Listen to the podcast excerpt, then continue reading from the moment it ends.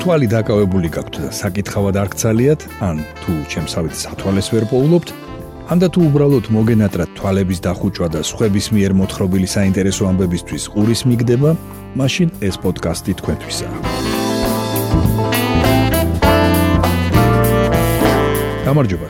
თქვენ უსმენთ რადიო თავისუფლების პოდკასტს მოლაპარაკე ტექსტებს. მოლაპარაკე ტექსტებს. მე ბიძინა რამიშვილი გახლავართ.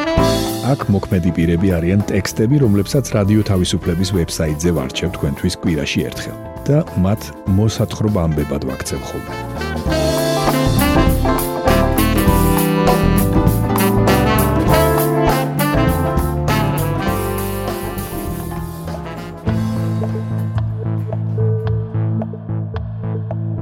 დღეს მოგითხრობთ ტურიზმის პრობლემებზე. იმათზე, ვინც საკუთარი გარეგნობის გამო აღარ ჩადის საქართველოში. ვისაუბრებთ ახალი გარემოს დაცვითი კანონის შესახებ, რომელსაც არავინ იცავს.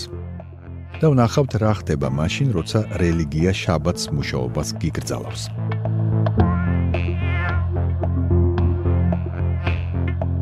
ახლა თავაზობ სანდრო გვინდაძის სტატიას ბოდიში ვაუქმებთ ჯავშანს. ეს ტურისტები საკუთარი გარეგნობის გამო აღარ ჩამოვლენ. ტურ ოპერატორები ყვებიან, რომ უცხოელები ჯავშნებს ძალადობის შიშით აუქმებენ. გამოიწევს თუ არა უკონტროლო ძალადობა დედაქალაქის შუაგულში იმას, რომ ასეულობით ოჯახი კიდე უფრო გაღარიბდება. კი მეშინია, ფერადი მანიკური მისვია, ხშირად ქალის ტანსაცმელს ვიცვამ. თავის ნაწილი ცისარტყელას ფერებში მაქვს შეღებილი. თბილისში ჩემი გამოჩენა არ შეიძლება, მეუბნება ანტონი. ანტონი ერთადერთი არაა, ვინც 15 ივლისის შემდეგ გადაწყვიტა, რომ საკუთარი სექსუალობის ანდაც უბრალოდ გარეგნობის გამო საქართველოსში საფრთხე დაემუქრება.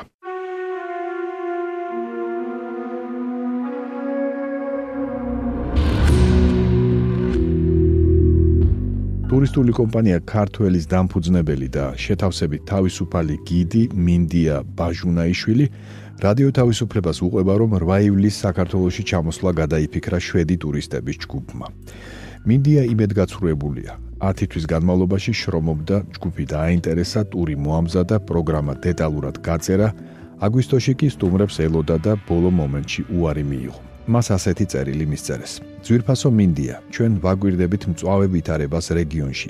იმედი მაქვს ვითარება ძალიან მალე დაწყნარდება და ყველა მხარე გამოსავალს იპოვის.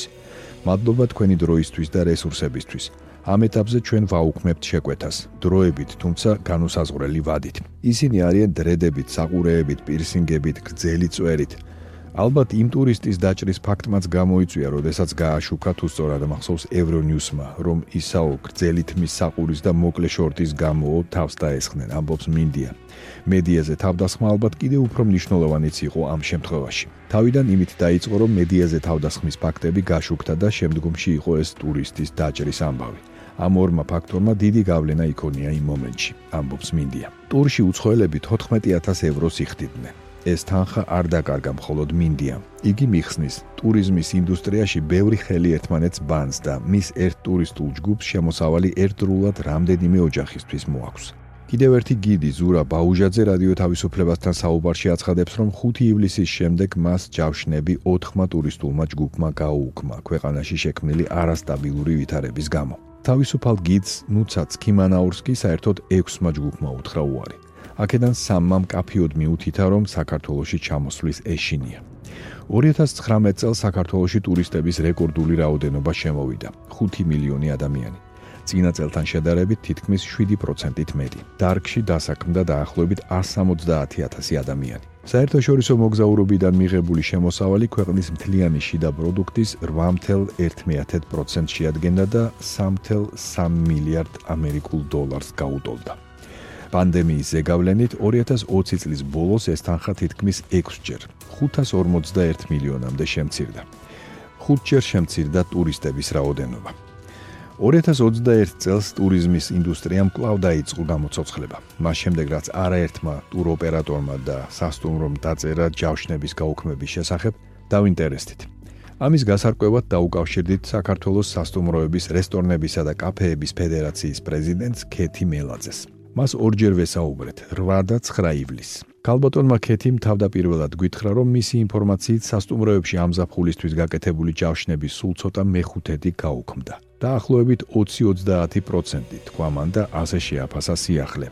იმ ძიმე პერიოდში, როდესაც ამოვისუნთქეთ, ამოსუნთქვას ბჭყალებში ვიძახი და გაჩნდა ტურისტი და ხალხი, რომელიც შემომტანია ეკონომიკური გაძლიერების და ამ დროს რომ დაგვაკლდა 20%, ეს ბუნებრივია ძალიან რთული მომენტია. ციტატის დასასრული. შევთანხმდით, რომ მეორე დღეს უფრო ზუსტ მონაცემებს, კონკრეტულ ციფრებსა და ქვეყნებს გაგვიზიარებდა. თუმცა ქეთი მელაძემ გითხრა, რომ შეცდა რადგან ბევრ სასტუმროში დარეკა და არსად ჯავშნების გაუქმების ფაქტი არ დაუდასტურეს. თუმცა რატომ გითხრა წინა დღეს რომ ჯავშნების 20% გაუქმდა, ეს ვეღარ აგვიხსნა. ზუსტი პასუხი კითხვაზე მოახდენს თუ არა 5 ივლისის ამბები დიდზე გავლენას საქართველოს ტურიზმის ინდუსტრიაზე, ჯერჯერობით არ გვაქვს. თუმცა 2004 წელს ლონდონის ეკონომიკური სკოლის პროფესორი და მკვლევარი ერიკ ნოიმაიერი მივიდა დასკვნამდე, რომ ქვეყანაში ადამიანის უფლებების დარღვევის ფაქტები და ძალადობრივი მოვლენები ნეგატიურად აისახება ტურისტების ჩამოსვლაზე. ამასთანავე მან გამოითვალა, იმ ქვეყნებში, რომლებიც იმართებიან ავტოკრატიული რეჟიმების მიერ, სულაც რომ არ მიმართონ ძალადობას, მაინც იმაზე ნაკლები ტურისტი ჩადის, ვიდრე დემოკრატიულ სახელმწიფოებში. ამასთანავე ტელეკომპანია იმედის გვერდზე გამოქვეყნებულ ამბავს თუ დაუჯერებთ, ძალადობის მიუხედავად ერთი ტურისტი საქართველოში ნამდვილად ჩამოვა. ლაპარაკია პოლონელ მოგზაურ იაცეკ კოლანკევიჩზე, რომელიც 5 ივლისს ხეთაგუროვის ქუჩაზე დაჭრეს და რომელმაც რეაბილიტაციის კურსი სასტუმრო ლიგანში გაიარა. 20 ივლისს სამშობლოში კი გაემგზავრა, თუმცა დადო პირობა, რომ აუცილებლად დაბრუნდება.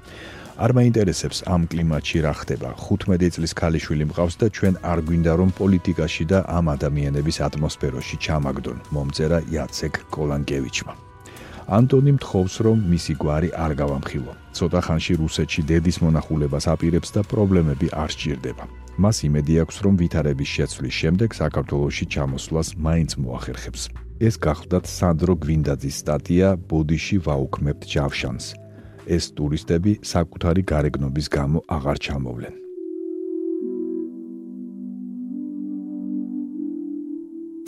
თქვენ უსმენთ პოდკასტს მოლაპარაკე ტექსტებს. ახლა მოისმინეთ დავით მჭედლიძის სტატია ახალი გარემოს დაცვითი კანონი, რომელსაც არავინ იცავს. რუსთაველი სამოქალაქო აქტივისტები აცხადებენ, რომ საქართველოს პარლამენტის მიერ 1 ივნისს მიღებული კანონი გარემოს დაცვითი პასუხისმგებლობის შესახებ არ სრულდება. გარემოს დაცვისა და სოფლის მეურნეობის სამინისტრო კი ამაზე არ რეაგირებს. ან მისი რეაგირება სუსტი და არაეფექტიანია. გარემოს დამცველი აქტივისტი გივი შანიძე რადიო თავისუფლებას ეუბნება, რომ მაგალითად შავი მეტალურგიის საწარმო რუსელოსი დღესაც ისევე ბოლავს, როგორც 1 ივნისამდე. მიწევს გარდაბანში წასვლა. გზაში არის კომპანია რუსელოსი და ყოველ წასვლაზე და წამოსვლაზე გული მისკდება. ოთხივე მილიდან ბოლავს ქალაქს. პირველ რიგში ბოლავს პენიტენციურ დაწესებულებებში მყოფ პატიმრებს. მათთვის გაუფილტრავი კვამლით გაგუდვა არავის მიუსჯია ამბობს ის.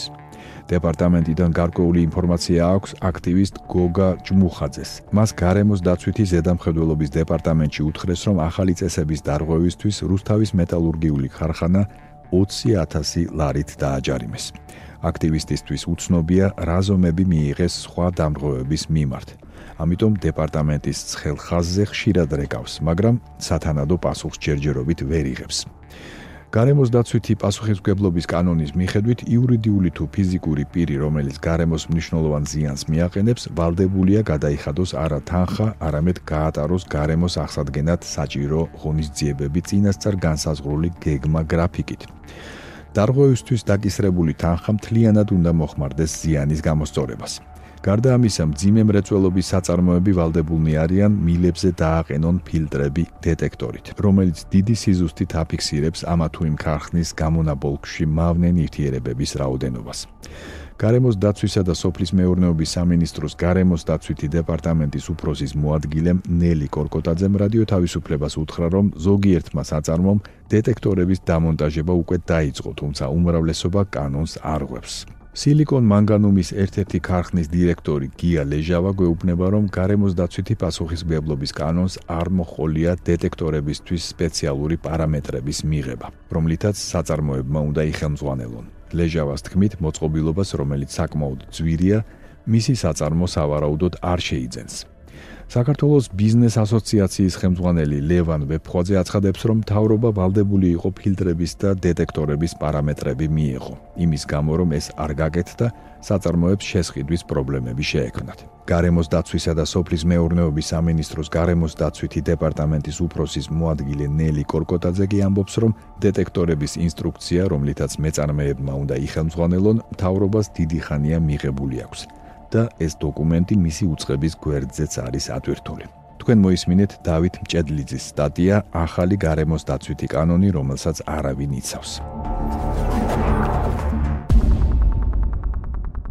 თქვენ უსმენთ პოდკასტს მოლაპარაკე ტექსტებს. პოდკასტის ბოლოს გთავაზობთ სტატიას რა ხდება მაშინ, როცა რელიგია შაბათს მუშაობას გიგრძალავს. მისი ავტორია თეა თოფურია. რა პრობლემები შეიძლება წარმოიშვას თუ სახელმწიფო რაიმე მასობრივ ღონისძიებას შაბათ დღეს დაგეგმავს? უმრავლესობისთვის არავითარი, მაგრამ 2020 წელს, როდესაც ეროვნული გამოცდები შაბათ დღეს დაინიშნა, აღმოჩნდა, რომ აბიტურიენტებიდან ზოგს შაბათს გამოცდაზე გასვლა რელიგიური მოსაზრებების გამო არ შეეძლო. იმისთვის, რომ უნივერსიტეტში მოხდელილიყვნენ და თან რწმენაზეც არ ეთქვათ უარი, ორ მათგანს სასამართლოსთვის მიმართვაც კი დასჭირდა. ლევანი სახელი შეცვლილია მეშვიდე დღის ადვენტისტია. მეშვიდე დღეს ანუ შაბათს ადვენტისტები განსაკუთრებული გრძალვით ეპყრობიან. ისინი ამ დღეს მხოლოდ ლოცვისთვის, ახლობლებთან შეხვედრისა და დასვენებისთვის იყენებენ. საქმეს შაბათს არავინ აკეთებს. გამონაკლისი შეიძლება იყოს მხოლოდ ისეთი რამ, რასაც ვერაფრით ვერ გადადებ, მაგალითად სასწრაფო ქირურგიული ოპერაცია. ჩარშან, როდესაც ლევანი აბიტურიენტი იყო, მოულოდნელი პრობლემის წინაშე აღმოჩნდა. ორი გამოცდის, ქართულისა და მათემატიკის ჩაბარების შემდეგ გაირკვა, რომ მესამე უცხო ენა შაბათს არის დანიშნული. შაბათს გამოცდაზე ვერ გავიდოდი, ამბობს ის. ამის არც არანაირი სურვილი არ მქონდა. განცხადება დავწერე, რომ მოეცათ უფლება სხვა დღეს ჩამებარებინა. მით უმეტეს, რომ სხვა დღეებშიც იყო ინგლისურის გამოცდა. უარი მითხრეს. ამ დროს ვისაც ჯანმრთელობის პრობლემა ჰქონდა, ჩვეულებრივად წერდა განცხადებას და გადაჰქონდათ გამოცდა. იგივე პრობლემა შეექმნა კიდევ ერთ აბიტურიენტს, რომელიც ასევე მე-7 დღის ადვენტისტია. მისი დედა ტატიანა ოვჩარუკი იხსენებს, რომ მაშინ ძალიან ბევრი ინერვიულეს. ტოლერანტობისა და მრავალფეროვნების ინსტიტუტმა ამ ორი აბიტურიენტის უფლებების დასაცავად თბილისის საქალაქო სასამართლოში იჩივლა. სასამართლომ ცენტრი დაავალდებულა გამოცდა გადაეტანა. აბიტურიენტებმა მხოლოდ ამის შემდეგ შეძლეს გამოცდაზე გასვლა. დღეს ორივე სტუდენტია. ახლა როცა შიდა საუნივერსიტეტო გამოცდები ან სემინარები შაბათს ემთხვევა, ლექტორებს მიმართავენ და ისევ სხვა დღისთვის გადააქვთ. ამ საქმეებზე დაყრდნობით სახალხო დამცველმა ერთიანი ეროვნული გამოცდების მარეგულირებელ აქტში ცვლილებების შეტანა მოითხოვა.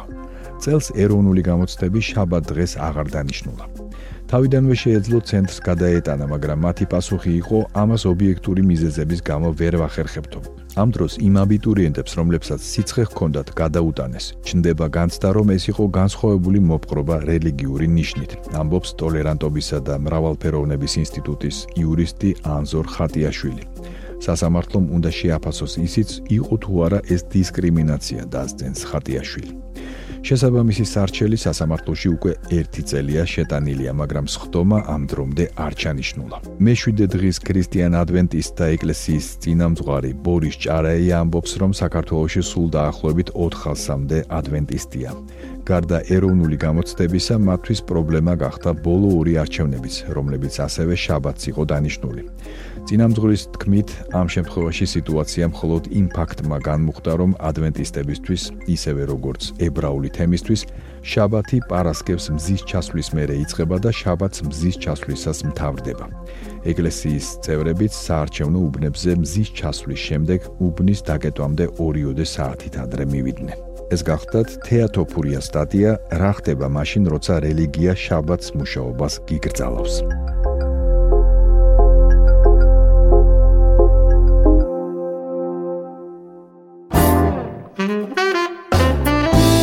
თქვენ მოისმინეთ რადიო თავისუფლების პოდკასტი მოლაპარაკე ტექსტები. მე კვირაში ერთხელ ვარჩევ რადიო თავისუფლების ვებსაიტზე გამოქვეყნებულ ტექსტებს და მათ მოსათხრობამდე ვაქცევ ხოლმე.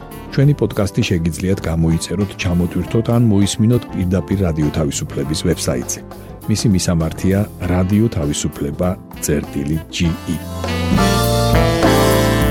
თუ ჩემი მიერ მოთხრობილი ტექსტები სრული სახით დაგაინტერესებთ, მათი მოძებნა იულია. ვებსაიტზე, პოდკასტის გვერდზე იპოვით ყოველ ცალკეულ პროგრამაში მოთხრობილი ტექსტების ბმულებს. მე ბიძინა რამიშვილი ვარ. მომავალ შეხვედრამდე.